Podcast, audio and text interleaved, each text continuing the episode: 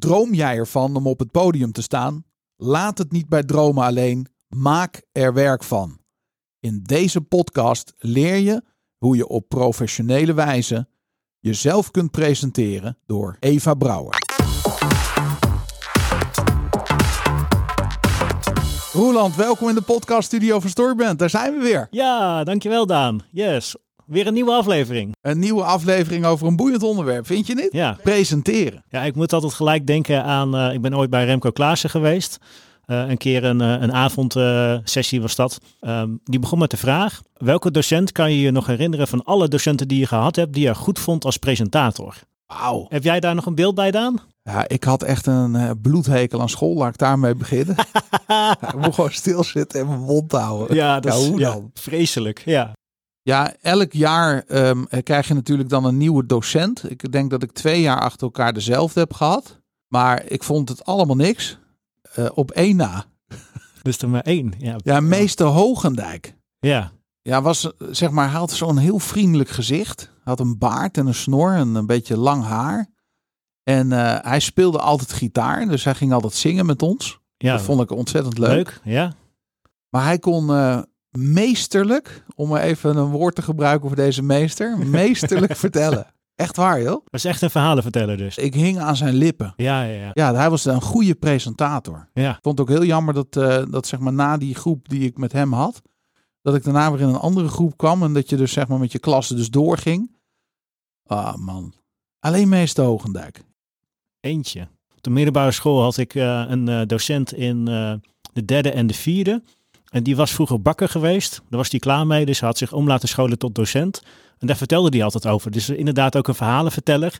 Maar hij maakte ook, ja, hij was gewoon, hij kon je boeien, zeg maar. Hij Ja. eh, maakte altijd grapjes en dan zei hij van, joh, ehm, dan kwam er bijvoorbeeld iemand te laat en dan zei hij van, hoe kan je nou te laat komen? Het is half negen. Ja, maar weet je hoe vroeg dat is, meneer?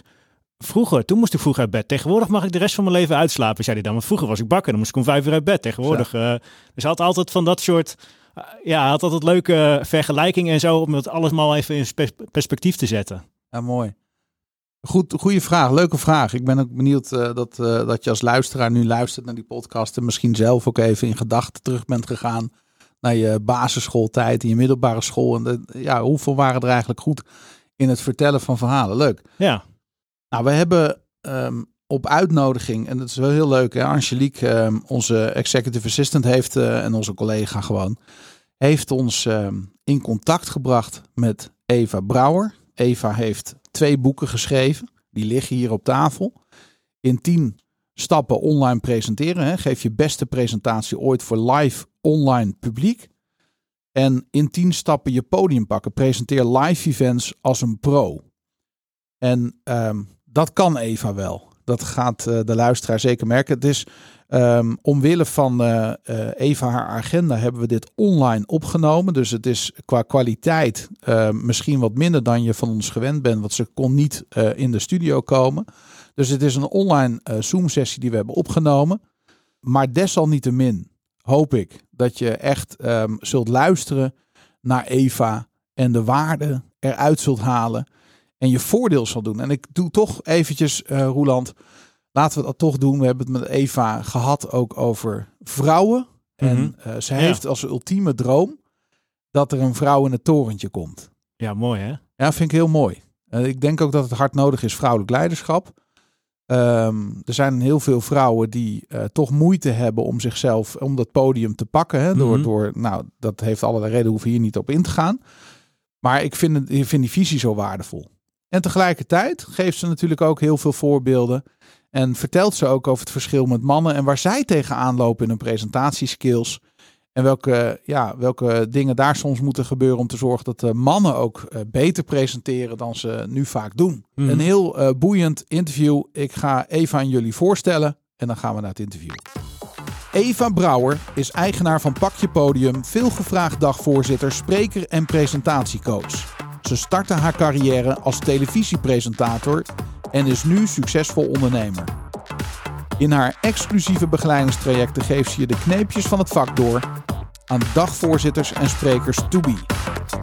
Nou Eva, hartelijk welkom in de online podcast studio van Storybrand. Eh super dat je er bent. Yes, dankjewel Daan. Leuk om er te zijn. Ja, we zijn voorgesteld door een wederzijdse relatie die we volgens mij allebei niet in ons leven kunnen missen, hebben we net geconstateerd. Nee, inderdaad. Het is uh, allebei onze rechterhand die wij delen. Ja, inderdaad. dus dat is uh, Angelique van der Meijden, is jouw uh, executive assistant en ook die van mij. Um, ja. en, en die heeft ons aan elkaar voorgesteld. En ik ben zo blij dat ze dat gedaan heeft, want ik heb jouw twee boeken gelezen. de, de, de, in tien stappen online presenteren en in tien stappen naar hoe pak je het podium. Uh, maar ik wil eerst eens eventjes, voordat we meteen de materie induiken. Um, Wie is Eva Brouwer? Kun je ons iets vertellen over wie je bent en wat je doet? Nou, het, aangezien je dit alleen kan horen, is, is degene wat de mensen het meest over mij zeggen dat ik een kleurrijke verschijning ben. Dus uh, als je nu luistert, weet dan dat ik gewoon in een fuchsia roze blouse dit natuurlijk weer zit te verkondigen. En dat heeft ook een beetje te maken met mijn motto: wees geen struisvogel, maar een flamingo haal je kop uit het zand en steek je kleurrijke nek uit. Eh, eh alles draait bij mij om. Pak je podium. En alles is ook een podium. Ja, ja schitterend, schitterend. Hey, en welke, ehm, eh, even iets terug naar het verleden, want je bent nu. Um, ik zag trouwens op Facebook alleen al dat wij 75 gemeenschappelijke relaties hebben. Dus um, uh, je bent wel iemand die zeg maar door veel mensen gekend en gezien wordt, ook door je dagvoorzitterschap, je spreken en, en de trainingen die je geeft. Maar hoe ben je gekomen tot waar je vandaag bent? Wat, wat zijn een paar belangrijke mijlpalen waardoor je zoveel weet over dat online presenteren en dat podium pakken? Ja, nou de eerste mijlpaal is eigenlijk helemaal niet zo leuk. Maar ooit ben ik begonnen bij de regionale omroep uh, in Utrecht. En ik was daar, kwam daar binnen met veel bombarie en een grote mond. En ik ging dat varkentje wel even wassen. En uh, dit was eigenlijk een soort tijdelijke tussenstop naar Hilversum. En toen uh, zat ik op een dag in een uitzending. En uh, de felle lampen schenen op mijn gezicht. Ik, ik, zag de camera's, ik zag een rood lichtje in de verte. En ik hoorde zo een geluid. Bla, bla, bla, en wat was dat? Dat was ik zelf. Ik uh, had een soort helikopterview en een uit, oude body experience. Want ik was iemand aan het interviewen live op televisie. En ik ben dan gewoon mijn tekst kwijt. Ik ben gewoon mijn vraag kwijt op dat moment. Dus dat was echt een horror moment. Ja. Ben ik ook van de buis gehaald mocht ik weer eventjes gaan buitenspelen als verslaggever. En dus als getraumatiseerde non-presentatrice moest ik toen weer helemaal uh, opklimmen. Dus ik weet als geen ander hoe spannend het is om jezelf te laten zien. Ja. En toen ik eenmaal begon als, uh, als ondernemer, als presentatietrainer, toen dacht ik van ja, uh, ik kan anderen helpen om dat ja. verhaal eruit te krijgen. Dus 1 en 1 is 3 in dat opzicht. Wauw. Ja, maar dat is wel een heftig verhaal. Hè? Want als je eenmaal zo'n ervaring hebt, dan kun je er ook van wegrennen en denken: joh, laat maar zitten, ik hoef het nooit meer. Ja. Maar jij rent er dan meteen in en je gaat er nog je werk van maken ook. Ja, nou, ik, er is natuurlijk uh, gevoelsmatig wel een beetje uh, iets overheen gegaan, maar ik ben wel altijd positief gebleven. Ja. Maar ik, ik, uh, hoewel ik aan de buitenkant altijd dan die kleurrijke verschijning was en lachen, was er ook wel een soort uh, imposter syndroom bij mij ontstaan. Ik weet uh, dat is een ja, syndroom. Dat je heel erg denkt van, oh, kan ik het wel? En uh, wie ben ik dan? Dus ook juist dat stuk wat mij zo aanspreekt in jouw werk, als het gaat om story brand, welk verhaal vertel je? Ik had op dat moment zelf erg het gevoel, ja, ik ben gewoon een huls voor andermans verhalen. Als nieuwslezer, als dagvoorzitter. Wat heb ik nou te melden? Ja. En dat is één heel herkenbaar probleem voor heel veel mensen. Dat ja. ze zelf hun eigen goud niet zien. Nee, wauw. Uh, daar kom ik straks even op terug. Want dat is natuurlijk ja. wel eigenlijk de kern van de zaak misschien wel. Uh, maar een van de dingen die ik, uh, waar ik aan moet denken als ik jou hoor sp spreken over die ervaring die je hebt gehad bij de omroep. ik heb wel eens gelezen, wel meerdere keren, ik kan het natuurlijk niet op waarheid checken. Dat na de angst voor de dood angst voor spreken in het ja. openbaar een van de grootste angsten is van mensen. Ja, dat, die ken ik ook, dat onderzoek. Ja. ja. Dus dat is nogal wat. Dus je, ja, eh, het is, laat ik het zo zeggen, het is voor ons allemaal natuurlijk eigenlijk heel logisch dat we daar bang voor zijn. Maar waar komt die angst nou vandaan? Het is eigenlijk iets, iets biologisch. Wij als, uh, als oermensen, stel je voor, hebben natuurlijk, je hebt een fysieke, een fysiek gevaar als jij jezelf uit de kudde plaatst. Ja. Dus stel je gaat op de savanne in je eentje doodleuk een, een ommetje maken, dan ben je natuurlijk grijpbaar voor weet ja. ik veel, beren, leeuwen. Dus er is een fysiek gevaar om je uit de kudde te halen. Maar ja. ook een sociaal gevaar. Want je wil bij die kudde horen. Dus als jij heel gek gedrag gaat vertonen, dan loop je het risico dat ze jou gaan verstoten. Ja, precies. Dus dit is zeg maar het oer, oer, oergevoel, de, de reflex die er in mensen zit, waardoor ze het spannend vinden om zich zo op deze manier te onderscheiden. Ja, ja, ja, dus het zit gewoon diep van binnen in onze bast. Juist. Ja, op je website staat ook, hè, pak je podium. Ehm, eh, wat houdt dat precies in? Hoe doe je dat? Nou, ik ben echt blij dat je me dat vraagt, Daan, want natuurlijk gaat het ook om dat fysieke podium en moet je die presentatie geven. Maar het gaat ook om, steek jij je hand op in die vergadering als je eigenlijk de, ik denkt, ik snap er niks van, waar gaat dit over? Durf je dat dan te zeggen? Ja, Of eh, kom je voor jezelf op als je merkt dat iemand anders meer salaris krijgt dan jij? Spreek je dat dan uit? Of als er on- onrechtvaardigheid is, ga je met je snuffert op een video en plaats je dat op LinkedIn? Hoe stel jij je eigenlijk voor in een voorstelrondje? Voel je dan al het zweet onder je oksels? Dat je denkt, oh god, die wave komt langzaam richting mij. Al die momenten zijn kansen om jezelf wel te laten zien. Ja. En daar kan je ook gewoon van tevoren even over hebben nagedacht. ja, ja. Ja, dus het, het, het- het pakken van het podium is veel meer dan het eh, fysieke podium waar we aan Ja. denken, maar gewoon in het moment suprem. Ja. Dat je eigenlijk iets wil zeggen of iets wil doen. Eh, dat je dan gaat voor eh, welke vraag heb je dan in je hoofd en hoe beantwoord je hem? Be- be- zit het daar? Ja, ook, maar ook dat je het dan hardop durft te doen. Hè? Dus, dus kijk, je hoeft niet, het gaat er mij niet per se om dat je een flap uit moet zijn, dat hoeft niet. Maar ik sprak pas een klant en die zei: Ja, jij hebt altijd dierenprintjes in felle kleuren en glitter. Dat vind ik eigenlijk ook heel leuk, maar dat, vind ik, dat is eigenlijk niet sociaal acceptabel, zoiets zei ze. Ik zo, eh, hoezo niet? Waarom? Ik vraag me juist af, waarom hebben niet meer mensen dierenprint aan? Hè? Ja, Dus het feit dat je jezelf dan dat niet toestaat, dus ik denk dat een soort toestemming aan jezelf geven heel belangrijk is, dat hoort ook bij je podium pakken. ja, ja, ja. En dit is op individueel niveau. Hoe zie je dat eh, vanuit bedrijven? Dus kijk, je kan natuurlijk het podium pakken als mens, Ja. maar je hebt natuurlijk ook een verhaal eh, als bedrijf. Ja, dat klopt. Eh, nou, het, overigens is, hoor jij, je kent dat ook wel misschien, dat ze in bedrijven vaak zeggen, je hebt de mens, de ander en de organisatie. Dus je, op, welk niveau heb je een motivatie voor jezelf op, in, in teamverband en ook voor Ja. de, de grotere purpose van, van het verhaal. Ja, Ehm, ik denk dat het heel leuk is om te zien dat mensen in een bedrijf vaak heel erg betrokken zijn bij het product. En dat ze daar ook over kunnen vertellen vanuit hun eigen ervaring, Hmm. eh, een, een eigen eh, klantervaring misschien. Hè? Ja. Wat hebben ze zelf meegemaakt? Maar het, zelfs kan het iets privés zijn. Waarom zijn ze zo begeisterd dat ze, weet ik veel, elektrotechniek wilden gaan doen? En daar zitten zoveel leuke dingen achter. En al die verschillende perspectieven samen, die dus bijdragen aan dat grotere organisatieverhaal, ja, ja, dat is goud. ja, ja. Ja, dus jij combineert eigenlijk het individuele met het bedrijf. En dat zie Ja. je gewoon, verbind dat nou met elkaar. En, Ja. en laat al die mensen eigenlijk gewoon die flamingo zijn. En vanuit hun kleurrijke perspectief eh, de boodschap van het bedrijf verder verkondigen. Ja, en ik, dus kijk, als je met ondernemers werkt, is het vaak makkelijker, want dan is een bedrijf echt het verlengstuk van jezelf. En dat kan je ook helemaal in je Ja. branding en hè, kan je daar helemaal op losgaan. Hoewel mensen dat natuurlijk vaak niet doen, omdat ze denken van, oh, het moet heel corporate eruit zien of heel, eh, ik wel, braaf. Ja, ja. Ehm, maar kijk, het, als jij het woord flamingo in de mond neemt, dan denk ik ook dat sommige mensen dat misschien een beetje spannend vinden of overdreven of ongemakkelijk. Hè? Dat heb je natuurlijk ook. Maar ik werk ook bijvoorbeeld met heel veel met ICT'ers. En die hoeven van mij echt niet met jazz hands en tapdansend eh, hun salespresentatie in te gaan. ja. Maar alleen al de realisatie van, ik mag steeds met een voorbeeld komen. Ik hoef niet de, het technische jargon alleen maar te, over de schutting te gooien, maar ik, ik kom met praktijkvoorbeelden hoe dit tot stand is gekomen. Ja. We hoeven echt niet meteen allemaal psychiatrische toestanden los te weken, maar zelfs op een heel basisniveau kun je al veel persoonlijker zijn in je presentatie. Ja.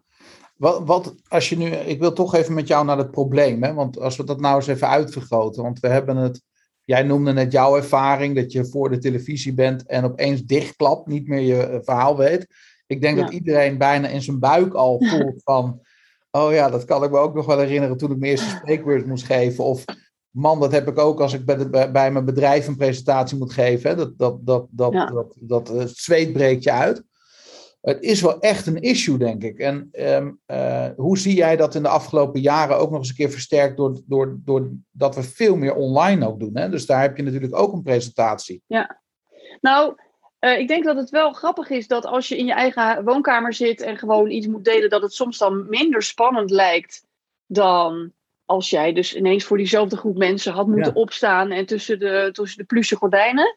Dus op zich kan het dan wel eens een voordeel zijn. Maar tegelijkertijd presenteren mensen ook vaak alsof ze in hun woonkamer zitten en eigenlijk een beetje zo nonchalant, zo ja, bla bla bla. En het feit dat je dus ja. al niet de camera weet te vinden, terwijl je al 18 maanden in diezelfde werkkamer zit, ja, is natuurlijk wel een beetje problematisch als je contact ja. wil maken met je publiek. Dus het, ja. de relaxedheid kan ook een, uh, een gevaar zijn. Ja, ja. Hoe verhoudt zich dat tot, um, uh, zeg maar, uh, je hebt natuurlijk dat regeltje van je bent be, zeg maar bewust onbekwaam. Hè, dus, mm -hmm. dus, dus, ik kan me voorstellen als mensen met jou werken, dat ze zich opeens bewust worden van het feit, oh ja, ja. Dat, doe, dat doe ik eigenlijk niet zoals ik, uh, hier, hiermee kom ik niet in mijn kracht of hier komt mijn boodschap niet goed door over. Ja. Hoe, hoe, hoe breng jij mensen van dat bewust, want je moet je eerst bewust worden van iets, ja. voordat je er überhaupt iets aan kan doen, maar het is altijd ook wel ik voel me dan dubbel naakt, zeg ik altijd. Hè? Want iemand legt iets bloot bij je, waardoor je nog meer denkt van shit. Ja, en hoe dan? En, ja, hoe dan? En hoe kom ik dan van bewust naar bewust bekwaam?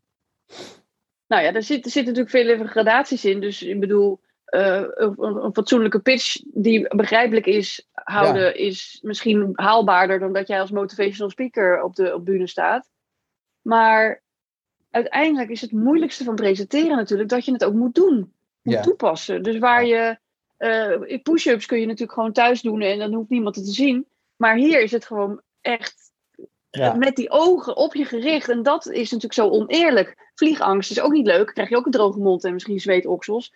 Maar als je moet praten en je krijgt die symptomen tegelijkertijd, dat is natuurlijk echt helemaal niet relaxed. Nee. Maar ja, hoe krijg je ze naar bewust? Uiteindelijk is het toch oefenen. Gewoon keer op keer. Kijken ze in ja. de camera.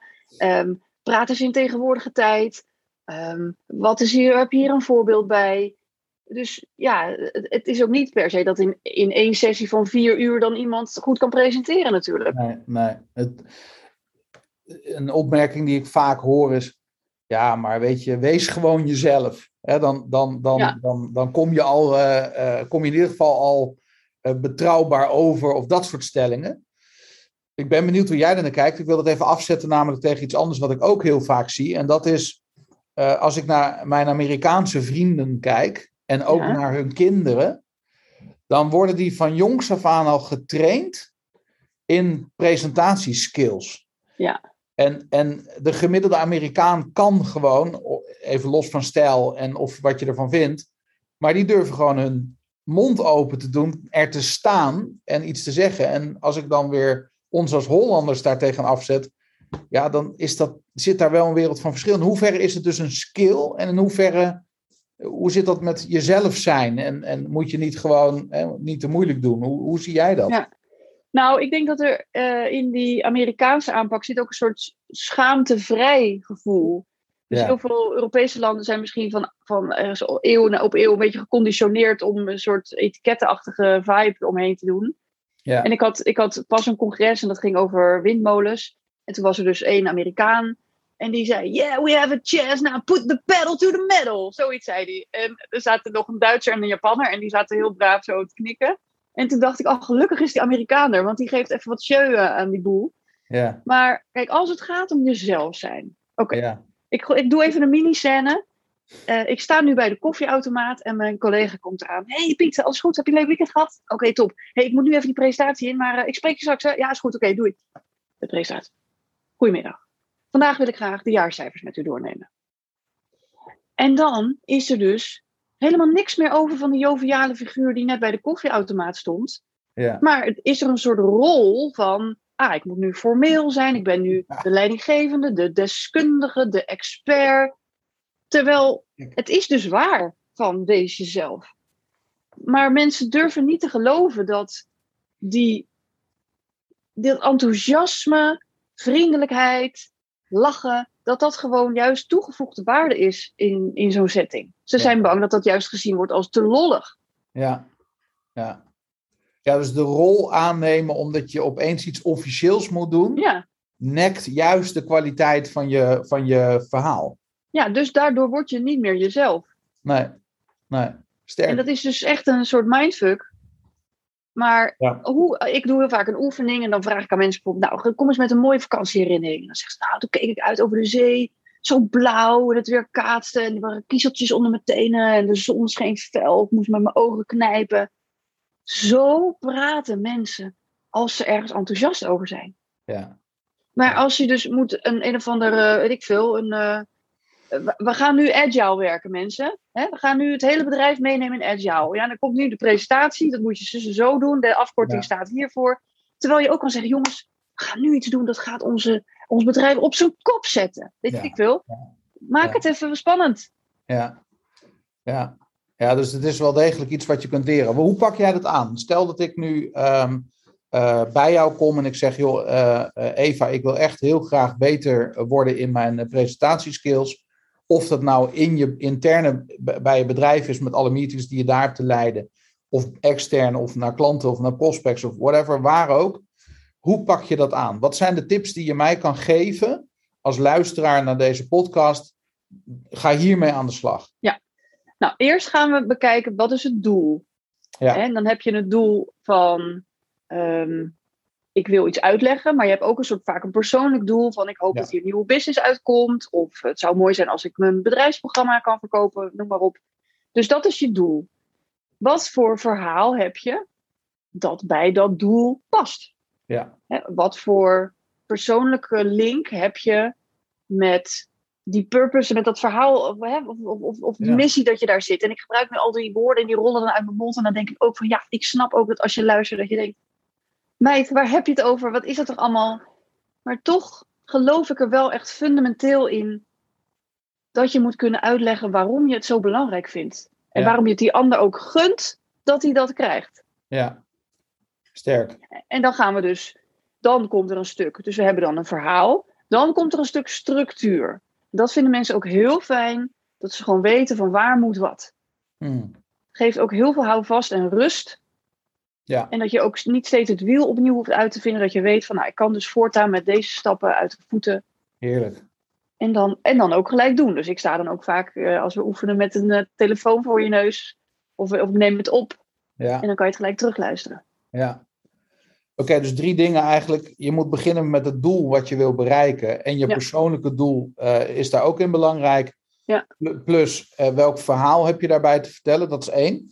Ja. Twee is de structuur van hoe ga ik dat verhaal op zo'n gestructureerde wijze eh, brengen. Dat is fijn voor degene die spreekt, maar ook voor de luisteraar. Ja.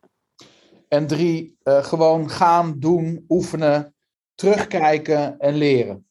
Ja, want in tegenstelling tot de Amerikanen denken Nederlanders dat het een soort godgegeven talent moet zijn wat je al moet bezitten en je bent Ja. er goed in of niet. Ja, Maar wat die Amerikanen dus doen, is dus ook Ja. gewoon hiermee oefenen. ja. Ja. ja, je noemde daarin een belangrijk punt, hè, die schaamte. Eh, de- Ja. Die hebben die Amerikanen eh, meestal niet. Hè. Die pakken echt het podium om even in jouw termen te blijven. Dus er gebeurt ook heel veel in ons hoofd en in onze emoties. Hè, dus het, ik, wij noemen dat vanuit Storyband het interne probleem. Hè. Ik, moet ex, ik heb externe problemen, hoe presenteer ik? En Ja. intern, hoe voel ik me over wat ik moet gaan presenteren? En daar, kon, daar, daar zitten natuurlijk ook vaak blokkades. Dingen die we onszelf Ja. hebben wijsgemaakt. Of die we meteen al eh, voelen als we iets gaan doen. Wat Ja. kun je daaraan doen als je bij jezelf merkt, ik blokkeer gewoon. Ik heb hier toch een bepaalde emotie bij of een bepaalde gedachte bij die mij verhindert om schaamteloos dat podium te pakken. Kijk, het is gewoon niet een. Dat gaat gewoon niet over één nacht ijs. Dus dat, die, die illusie wil ik echt even weghalen. Ja. Maar ik heb zelf ook zo'n stemmetje in mijn hoofd. Toen ik dus die blackout had gehad op live televisie. Ik loop over de redactie, een soort walk of shame doe ik, hè. En ik hoor zo, Eva! Oh, en dat is dus mijn baas, dus ik moet even naar dat zo'n glazen hokje een beetje zo, hè. Eh, en eh, hoe, vind je, hoe vond je zelf dat het ging? Nou, dat werkt. En hij zei tegen mij, ja, Eva, je bent heel erg eager. En eh, het komt nu nog een beetje te vroeg, dus ga eerst maar even verslaggeving doen. Maar dat woord eager, dat ging echt als een soort houtworm door mijn hersenen. Zo van eager, eager. Zo'n oorworm, zo'n liedje wat Ja. blijft haar. Ja. En heel veel mensen hebben zo'n soort bepalende scène meegemaakt die ergens hun zelfvertrouwen heeft aangetast. Het kan al heel jong gebeurd zijn dat je gepest bent of dat iemand heeft gezegd van nou ja, ik zou, als ik jou was zou ik nou niet meer gaan zingen hoor. Dat is niet, echt niet om aan te horen. En dan ben je voor je leven denk je, oh, ik, ik kan niet zingen. Maar, En ehm, uiteindelijk, ook als er bijvoorbeeld emotie zit op een verhaal, dat je wel graag wil delen, maar je schaamt je ervoor dat je misschien moet huilen of ja, geraakt wordt terwijl je het doet. ja. En ook daar, da- daar moet je ook doorheen. En ik zou je zeggen, het gaat wennen. Uiteindelijk wordt dat verhaal een instrument voor Ja. je. Het is, Ja. een- ja, je hebt ook je, je privé eh, gevoel en wat het voor jou betekent. Maar een verhaal is ook altijd voor het publiek. ja. En dan wordt het iets wat gewoon jou kan helpen. En waar de ander ook inspiratie uit haalt. Precies. Hoe doe jij het zelf? Hè? Want je bent eh, dagvoorzitter, je geeft ook eh, zelf, eh, je spreekt, je geeft trainingen. Ehm, e- e- even na- naar mijzelf, waar- waarom ik deze vraag stel, ben er oprecht benieuwd naar. Er zijn twee dingen die ik zelf daarin ervaar. Elke keer dat ik het podium pak, ben ik wel in een bepaalde mate gespannen, zenuwachtig. Het remt mij niet, het blokkeert me niet. Ik heb het nodig om te performen. Dus ik zie het ook als een stuk- stukje performance. Of ik nou een hele dag een workshop moet geven voor een team, of echt voor een groep mensen moet spreken. Ik zie het als een performance en ik heb een bepaalde zenuwachtigheid of spanning nodig om scherp te staan. En ik denk altijd aan de woorden van Toon Hermans, die zei: eh, van, hè, dat, dat is toch een van onze grootste vaderlandse presentatoren. Ja, Ehm, eh, podiumbeesten. ja, toch? En, en die, had, Mhm. die had nog steeds plankenkoorts. Die, die, die dacht bij elke keer dat hij op moest van... ja, waarom doe ik dit überhaupt? Hè? Waarom wil ik dit zo graag? Want Ja. ik moet altijd ergens doorheen. En dan na een paar Mhm. minuten zie je iemand ontdooien. Ja, ik ehm, zit er wel een beetje tussenin. Want soms heb ik dat Toon Hermans gevoel ook. Dat ik het juist weer heel erg zit van, oh, wat een slecht idee. En eh, dat herken ik heel erg. Ja, Dat is ook een soort conditionering. Hè? Dus dat is ook een verhaal wat je tegen jezelf hebt verteld. Maar Ja. ik heb ook wel eens, vroeger als kind zei ik bijvoorbeeld tegen me. Als ik, ehm, als ik, me niet, als ik niet heb gepiekerd, dan verdien ik geen hoog cijfer. ja, ja. Dus ik moet niet alleen leren, ik moet me er ook druk over maken. Dus dat is iets wat ik als kind dan heb bedacht. En dat is heel moeilijk om als volwassene dan ook nog weer los te laten. Want Ja. stel dat je een keer relaxed bent en je blundert. Dan denk je, ja zie je wel, ik heb me niet druk genoeg gemaakt. Of niet, was niet zeker. Dus het is ook een soort, ja, hoe eh Rafael Nadal zijn broek uit zijn bil natrekt. Misschien is het ook een soort, eh, ri- eh, hoe noem je dat? Een ritueel waar je doorheen gaat in die zin. Ja. ja. Maar ja, het, het, dat opgefokte hoort er ook wel een beetje bij. Van, ik ga ook helemaal in een soort bubbel. Dat ik eventjes echt zo... Even, even, op het allerlaatste hoef ik ook niemand er meer bij te hebben. Dan ga ik echt dan, het liefst een beetje zo'n rocky moment. Dat je ook wat muziek hoort. ja. Bij mijn bij voorkeur Can't Stop the Feeling van Justin Timberlake. Dat is een beetje de, ja, ja, de op, op tempo, opzwepende beat die je nodig hebt. En dan ga je gewoon. ja. Als een katapult. cool. Ja, ik geef ook heel veel webinars. Heb ook jarenlang heel veel webinars gegeven. En dan weten, inmiddels weet mijn team van, joh, hij gaat de studio in hier. Hij doet zijn eh, noise cancelling eh, koptelefoon op. En dan heb ik ook mijn playlist. En dan moet ik ook in die mood komen om te zorgen, want dat is ook een performance voor mij. Waarom eh, zeg ik dat? Ik heb dat nodig. Het, geeft mij de, het biedt mij de gelegenheid om even in een andere staat te komen. Want ik ben natuurlijk ja, voordat ik dat webinar gegeven heb, heb ik misschien wel telefoontjes gepleegd, mailtjes gestuurd, taken uitgevoerd of gesprekken gevoerd. En ik heb zometeen een webinar, daar zitten misschien 100 of misschien wel 500 of misschien 40 of afhankelijk van het doel, een aantal deelnemers in. En ik denk altijd van ja, die mensen hebben dus tijd vrijgemaakt om naar mij te gaan luisteren. Dus ik ben ook verplicht aan die mensen om te zorgen dat ik op mijn allerbest dat geef wat zij nodig Ja. hebben op dat moment. Nou ja, dat klinkt fantastisch. En dat is juist iets wat ik graag vaker zou willen zien. En dat haakt ook een beetje aan op wat ik net zei. Dat je als je in je relaxte modus met je hoodie een beetje zo onderuitgezakt eh, de online vergadering ingaat. Ja. Dat is dus eigenlijk niet, het- het- het- dus ik zeg het even met grote aanhalingstekens, maar niet het respect wat je dan geeft eh, op dat moment aan de ander. Nee. kijk eens, ik ben er ook bij betrokken. Plus, we zitten hier nu, wij praten via Zoom met elkaar. Er zit een scherm tussen, webinar is natuurlijk hetzelfde. En daardoor zit er een filter. Ja. Dus we hebben meer pep, meer energie nodig om Ja. door die camera heen te komen. Ja.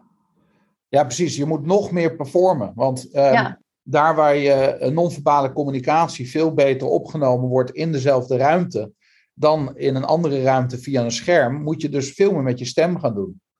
Ja, inderdaad. Dus, dus die stem is hartstikke fijn. Om ook echt dus een beetje de modus voorlezen aan een kind. Dat Ja. is eigenlijk echt een beetje de manier hoe je die spanning opwekt. Ja, Ik kijk overigens ook wel naar lichaamstaal. Dus bij een webinar moeilijker. Maar bij Zoom kan je goed zien wie zit er eh, te knikken op dat moment. Of wie zit er met zijn armen over elkaar. En dan kan hij mooi pats. Hé hey Jan-Willem, ik zie dat jij eh, het er niet mee eens bent. Vertel. Dus dan kan je ook alsnog dat heel goed gebruiken. perfect. Perfect. Ja, mooi. Ja. Ehm, in mijn beleving gaat elk verhaal eigenlijk over transformatie. Als ik naar een film kijk, als ik naar een Ja, serie kijk, Klopt. de held transformeert. Ehm, waar ik even benieuwd naar ben, Eva. Kun jij een voorbeeld geven uit jouw praktijk van een, be- een bedrijf of van een persoon waarvan je zegt van ja, dat, daar, daar zag ik echt die transformatie van. hè, Die heb ik echt geholpen naar een nieuwe rol waarin ze dat podium zijn gaan pakken. En tot wat voor gevolgen heeft dat geleid? Nou, ik kreeg toevallig gisteren een appje van, eh, van een vrouw die ik heb begeleid in mijn Pakje Podium programma. Ja, En zij was assistant. Ik had haar ooit ontmoet eh, bij een eh, training voor management assistants. Dus wat we vroeger secretaresses noemden. ja, En ehm, nou, op een gegeven moment kwam ze bij mij en zei: Ja, ik, ik wil eigenlijk gaan trainingen gaan geven. En ehm, ze wilde, haar jasje zat gewoon veel te krap. Hè? Dus ze was in een soort, Ja. ook door persoonlijke omstandigheden was ze eigenlijk. Ehm, nou, dat kan ik wel vertellen, want ze, ze heeft het op het podium verteld.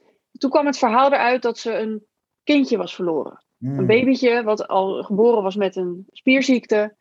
En na een half jaar is dat kindje overleden. En dat is natuurlijk al, al twintig jaar geleden. Maar dat gaf dat. Ja, in die, in die fase van haar leven kon ze gewoon niet veel meer erbij hebben. Dus ze Nee. kwam in die baan terecht. En pas la- jaren later kwam daar echt veel meer ambitie uit. En eh, ja, een soort vechtlust van ik wil nu iets voor mezelf bereiken. Ja, Dus ze heeft dat verhaal ook op het podium verteld. En ook uiteindelijk in lijn met het type trainingen wat ze geeft. Dat gaat over change management hè, in bedrijven. ja, Toen kreeg ik dus een appje van haar. En ze zei, ja, dankjewel. Ik, eh, ik, heb net, ik kom net van het podium af. Ik heb net een eh, bijeenkomst in ons bedrijf gemodereerd. En ik ga, ben druk bezig met trainingen geven. ja, Dus ja, ik bedoel, eh, als je het hebt over struisvogel naar flamingo. Dit is natuurlijk wel echt de beste uitkomst die ik me had kunnen wensen. Wauw, geweldig. Ja. Zo. Ja. Ja. dat is mooi om te horen. Ehm, voor wie, wie is jouw ideale klant? Wie, wie- voor wie werk jij? Voor, voor welke mensen, welke bedrijven kun jij het beste helpen? Nou, ik werk eh, bijvoorbeeld ehm, met bijvo- een groot uitzendbureau in Nederland. En daar, daar, daar mijn, heel veel klanten, mijn ideale klant zijn vaak ook jongere vrouwen Ja, die carrière maken. Maar waar ik dan bijvoorbeeld zie op hun LinkedIn dat er eigenlijk nog helemaal niks gebeurt. Hè, dus, dus als het gaat over je podium pakken, Ja. dan willen ze graag excelleren in hun werk en op die manier gezien worden. En dat is een beetje waar het schoolsysteem. Vroeger, je werkte heel hard en dan krijg je een 9. Nou, ideaal Ja. hoef je dus niet zelf per se je mond open te trekken van kijk eens jongens, ik heb super hard gewerkt, mag Ja. ik een 9? ja, En als je dan in je carrière komt, dan zijn er andere manieren hoe je ineens ook moet hengelen om een beetje eh, carrièreperspectief, opslag, eh, whatever. Hè?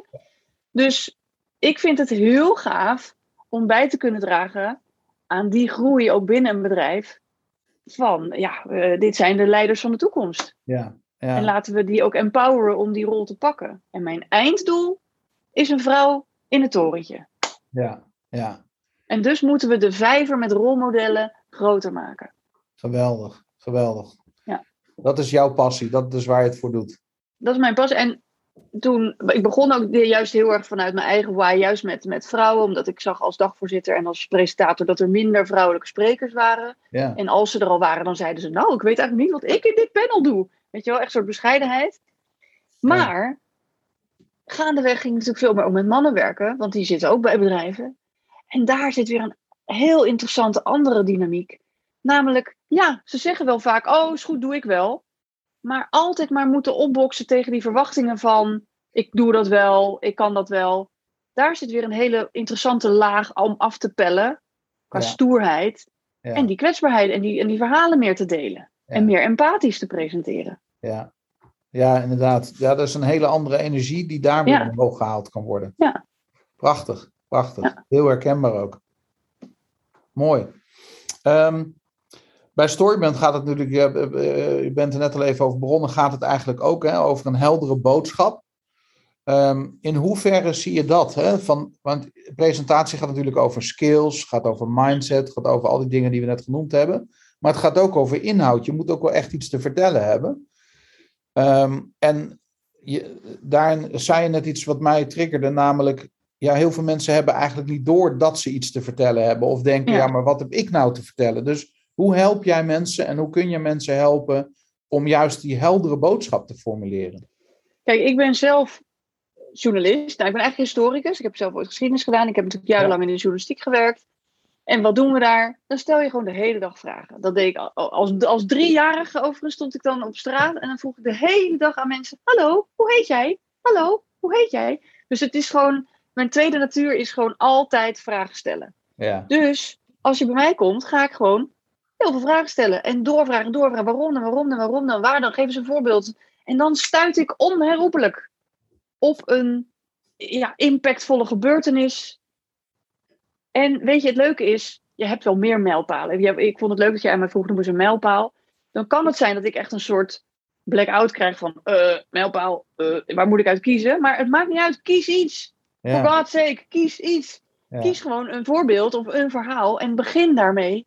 En laat dat alvast voor jou werken om te illustreren waar je voor staat, wat je doet, wie je bent. Wauw. Heel mooi. Heel mooi. Ehm, als je een hele belangrijke tip zou mogen geven aan de luisteraar, welke tip zou je dan willen geven? Stel, en ik wil even een scenario schetsen. Stel, je Mhm. moet vanavond het podium op Mhm. en je zit voor ehm 100 man en je hebt ehm 15 minuten voorbereidingstijd. Oké. Wat, wat, wat is dan. En, en, en, en de vraag die mij bezighoudt als ik dat podium moet pakken is: oké, hoe ga ik impactvol presenteren? Hoe ga ik. Wat zou je dan tegen mij zeggen als ik jou bel en zeg: Eva, shit, ik moet vanavond onverwacht en ik heb 15 minuten om het nu voor te bereiden. Help. Ja. Oké, dus dan ga, je, dan ga je natuurlijk eerst weer nadenken, wat wil ik meegeven? Hè? Dat hebben we Ja. al vastgesteld. Dus, eh, Ja. nou, we zijn allemaal wel eens op een bruiloft geweest, waar dan die ene oom op staat. En dan begint aan een eindeloos verhaal. En toen, en toen, en toen ging je studeren. En toen was die ene vakantie in Frankrijk. En toen, Ja. eh, eh, en iedereen zit met zijn hoofd in zijn soep. Please, hou hiermee op. Oké, dus wat kunnen we dan beter doen? Eén hele pakkende scène eruit kiezen. Die Ja. symboliseert wat jij wil vertellen. En ik moet zeggen, ik kan je even een heel simpel voorbeeld geven. Want het hoeft niet altijd een tearjerker te zijn. Nee. Ehm, ik moest een hele tijd geleden moest ik een eh plastic fabriek openen. Als dagvoorzitter moest ik daar de presentatie doen. En het was dus een fabriek die van oud plastic nieuwe zwarte plastic korrels maakt. Waar je weer andere dingen mee kan maken. En eh, in de week daaraf had ik denk, wat moet ik daar nou mee? Wat, wat, kan ik daar nou, wat heb ik daar nou mee, in godsnaam? Mm.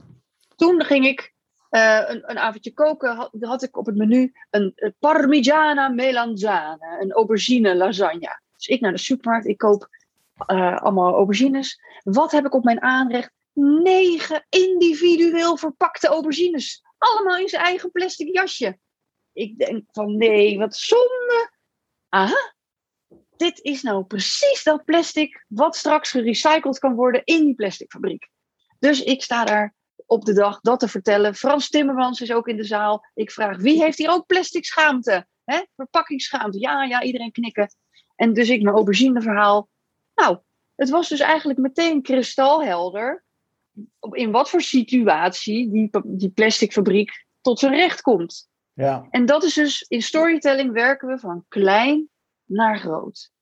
Dus durf een voorbeeldje eruit te pakken, ook al ben je incompleet. Wees niet compleet, maar zorg dat ze je niet vergeten. En dan werk je naar groot. Mm. Dat is mijn tip. fantastisch. Dank je wel.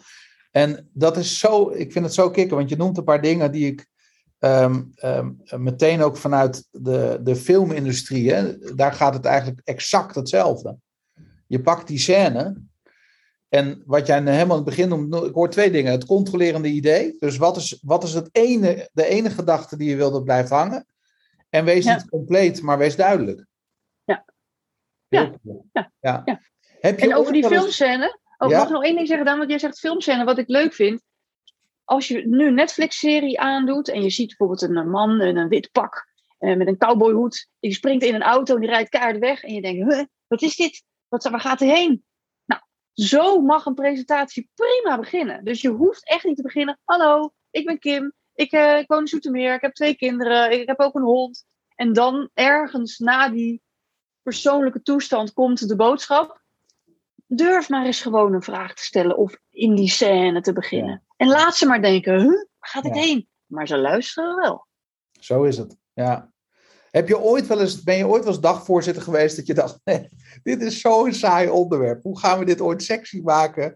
En hoe kunnen we zorgen dat die zaal niet in slaap valt? Hoe, heb je dat ooit wel eens meegemaakt? Dat je dacht, ja, oh, dat heb ik natuurlijk wel eens meegemaakt. Maar dat, dat is dan, in dat opzicht ben je dan niet zo vrij als een journalist en een redactie. En dat je daarin hele goede keuzes maakt voor het publiek. Omdat er ook, je hebt ook wel te maken met andere krachten die heel graag iets willen omdat ze denken dat dat een heel goed idee is, of omdat er iemand een veer in zijn piep moet. Ja. Dus ja, dan heb je wel eens ook te dealen met zo'n situatie. Maar ik, ik, ik, pas had ik een, ik, ik had ook een windmolenfiguur en toen die, die, die werkte in, uh, ook in, het, in Azië.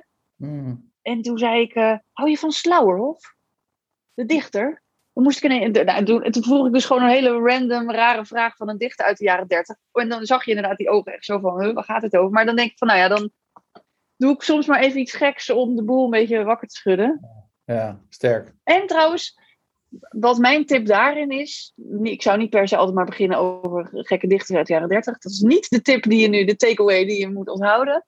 Nee. Maar um, het gevaar is dat je te veel aandacht besteedt aan het product, ja. het ding. Maar je moet altijd ook weer terug naar de mens erachter. Dus waarom is dit belangrijk voor jou?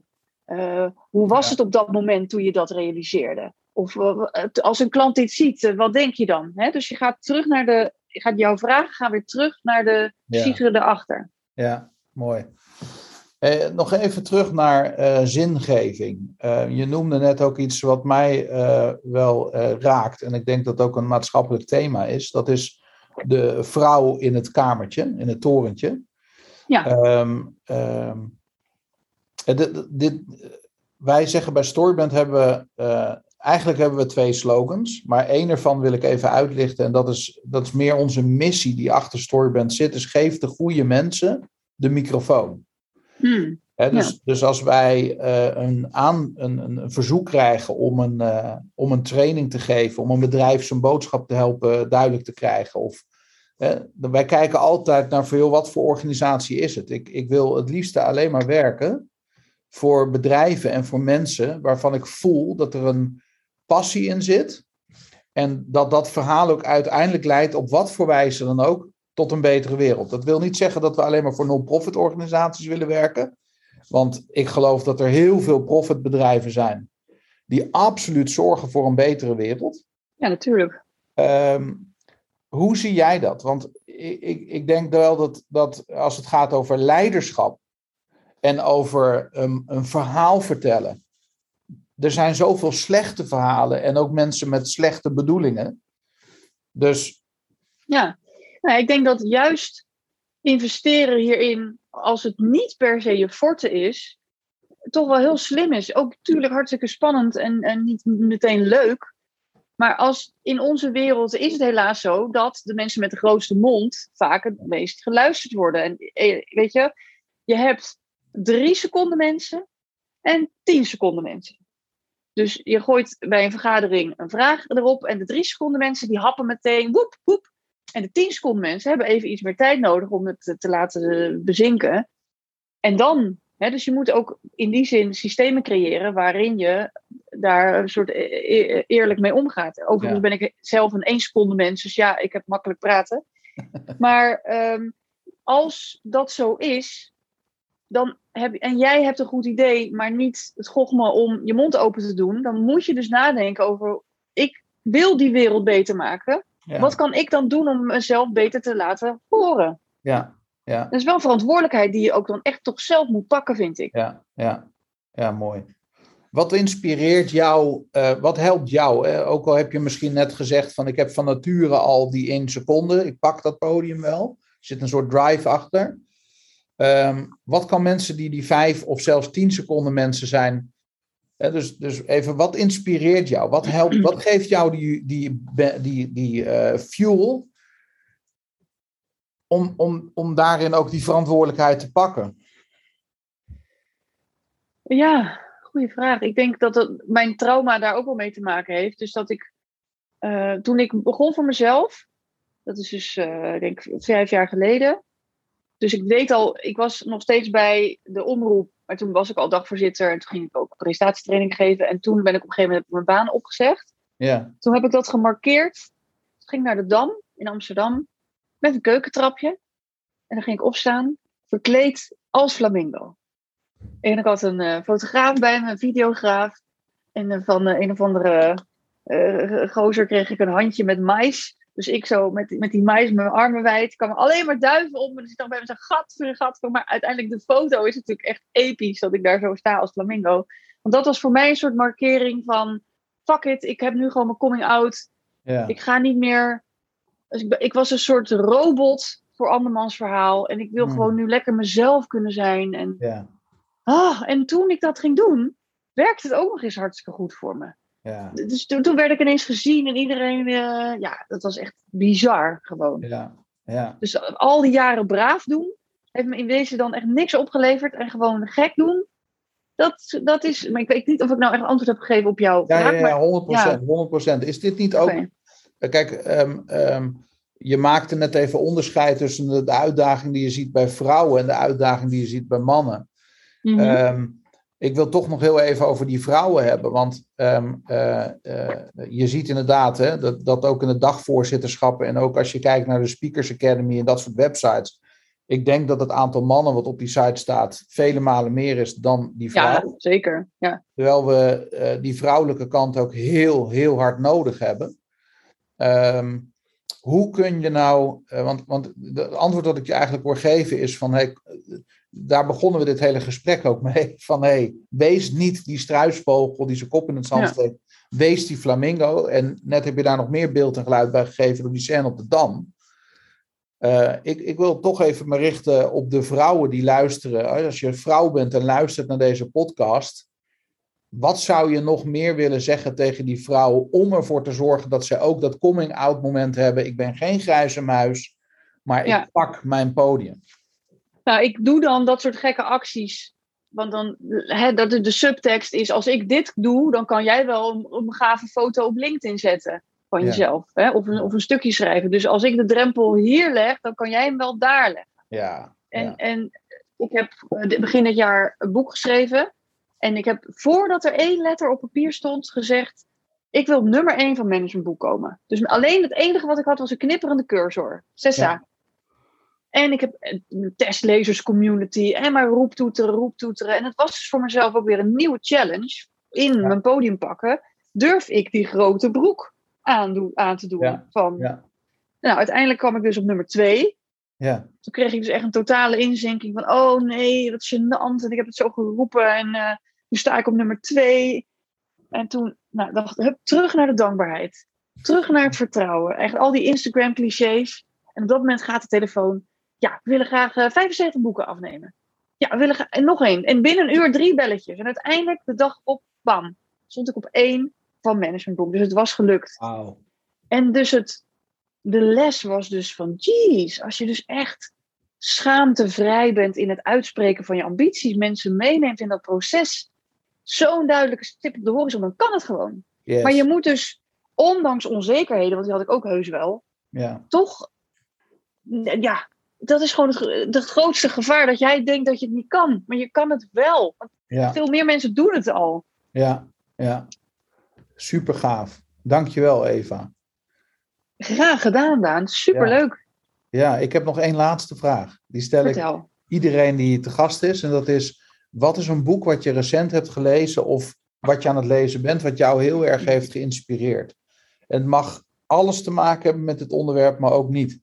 En eh, voor degenen die nu luisteren, ehm, ik zit hier in een Zoom-sessie met Eva. Ze eh reikt nu naar haar Ja, boekenkast, ehm, naar een boek. Dus ik ben heel benieuwd waar ze mee gaat komen. Ja. Ik ga even sjoemelen, want eh, ik heb ook Marie Kondo gepakt. Die vind ik Ja. ook heel fijn. Die heeft echt mijn leven ook veranderd. Opgeruimd met Marie Kondo. Does it spark joy?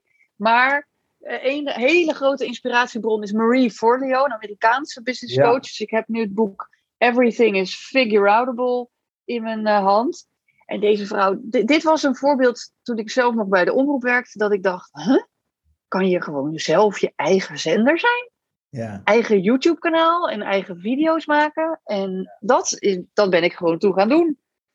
En eh, dat was echt een, ook een gevalletje van: hé, hey, je mag jezelf toestemming geven om dat te doen. Ja, dankjewel voor deze tip. We gaan ze in de show notes zetten, ook die boeken.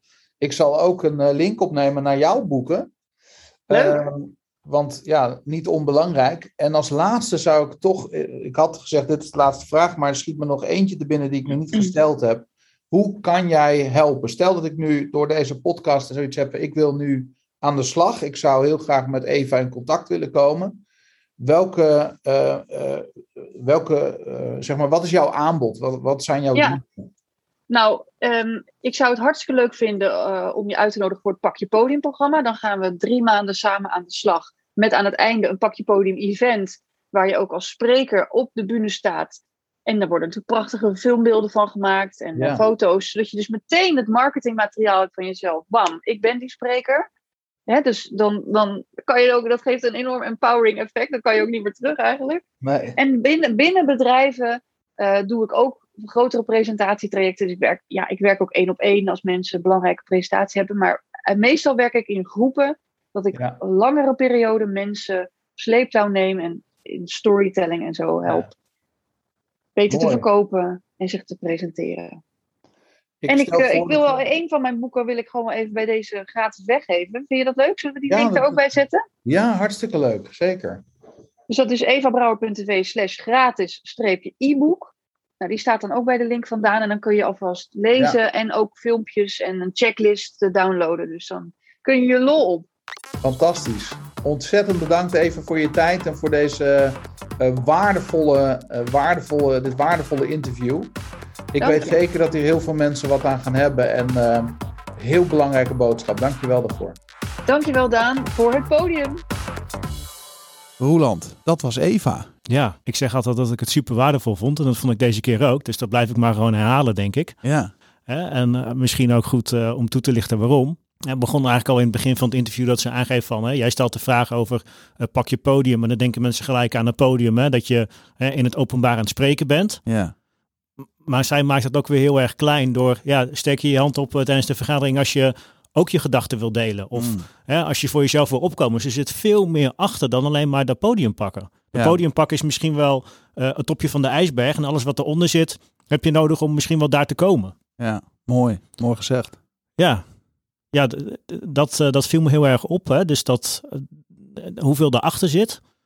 En als je die dan doortrekt, ehm, hè, dat voorbeeld met die Amerikanen versus de Nederlanders, hoe wij presenteren versus hoe ze het daar doen. Ja, dat, dat, is, dat is toch bizar? Ja. Je zou bijna denken dat, we, dat wij hier allemaal in Nederland een of andere, ehm, altijd een of andere slechte ervaring hebben, waardoor we altijd zo slecht zijn in presenteren of dat altijd heel spannend vinden. Terwijl ja. Ja, eh, ik, ik, ik moest ook een beetje denken aan die emotionele bankrekening van eh Stephen Covey. hè, Dat je, eh, je, je moet drie keer storten voordat je iets kan, eh, kan opnemen. ja. En hier lijkt het ook wel een beetje zo te zijn. Ja, dat is mooi. Nou, dat is misschien ook wel zo. Kijk, en ik denk ook dat ehm, ehm, als we het hebben over eh, presenteren, gaat het ook over de, je boodschap.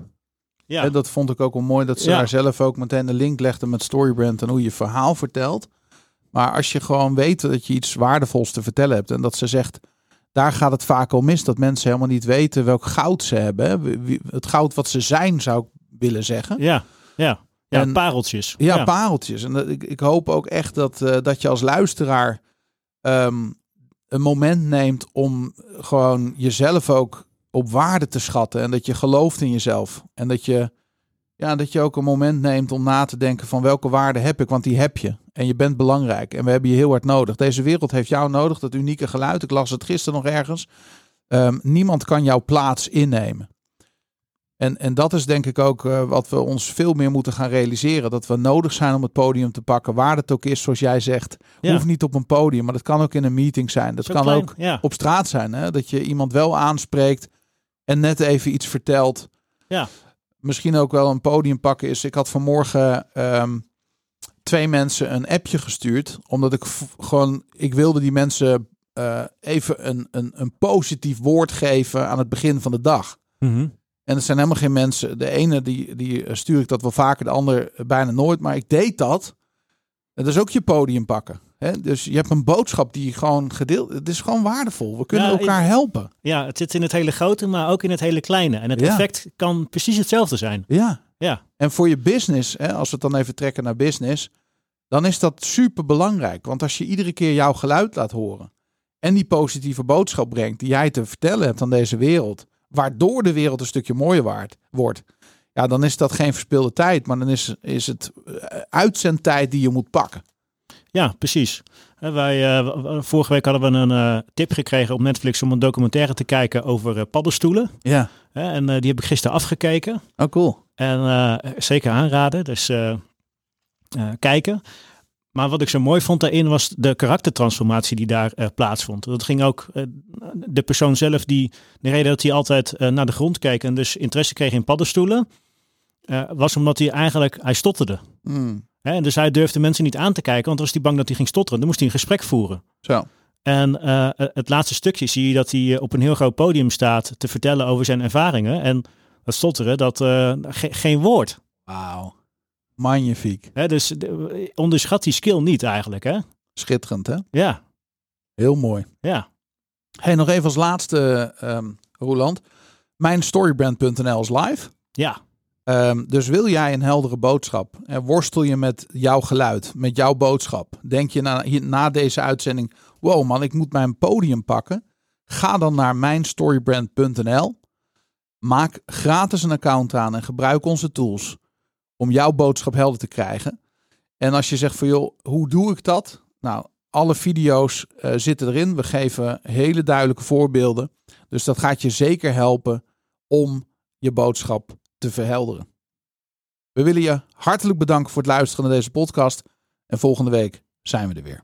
Yes. Dankjewel en tot volgende week.